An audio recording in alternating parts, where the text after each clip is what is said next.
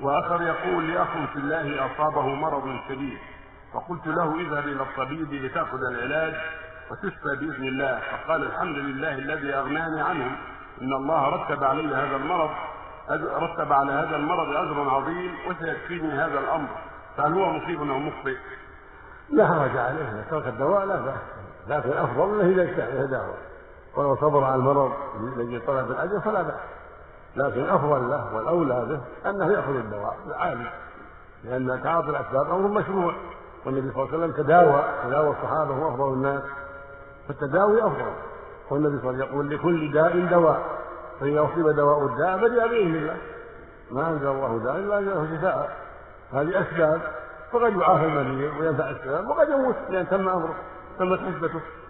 لكن إذا الله اراد جل وعلا أنه يشفى جعل له سببا. وإذا كانت قد حضرت والاجل قد انتهى ما نفعت الاسباب انتهى.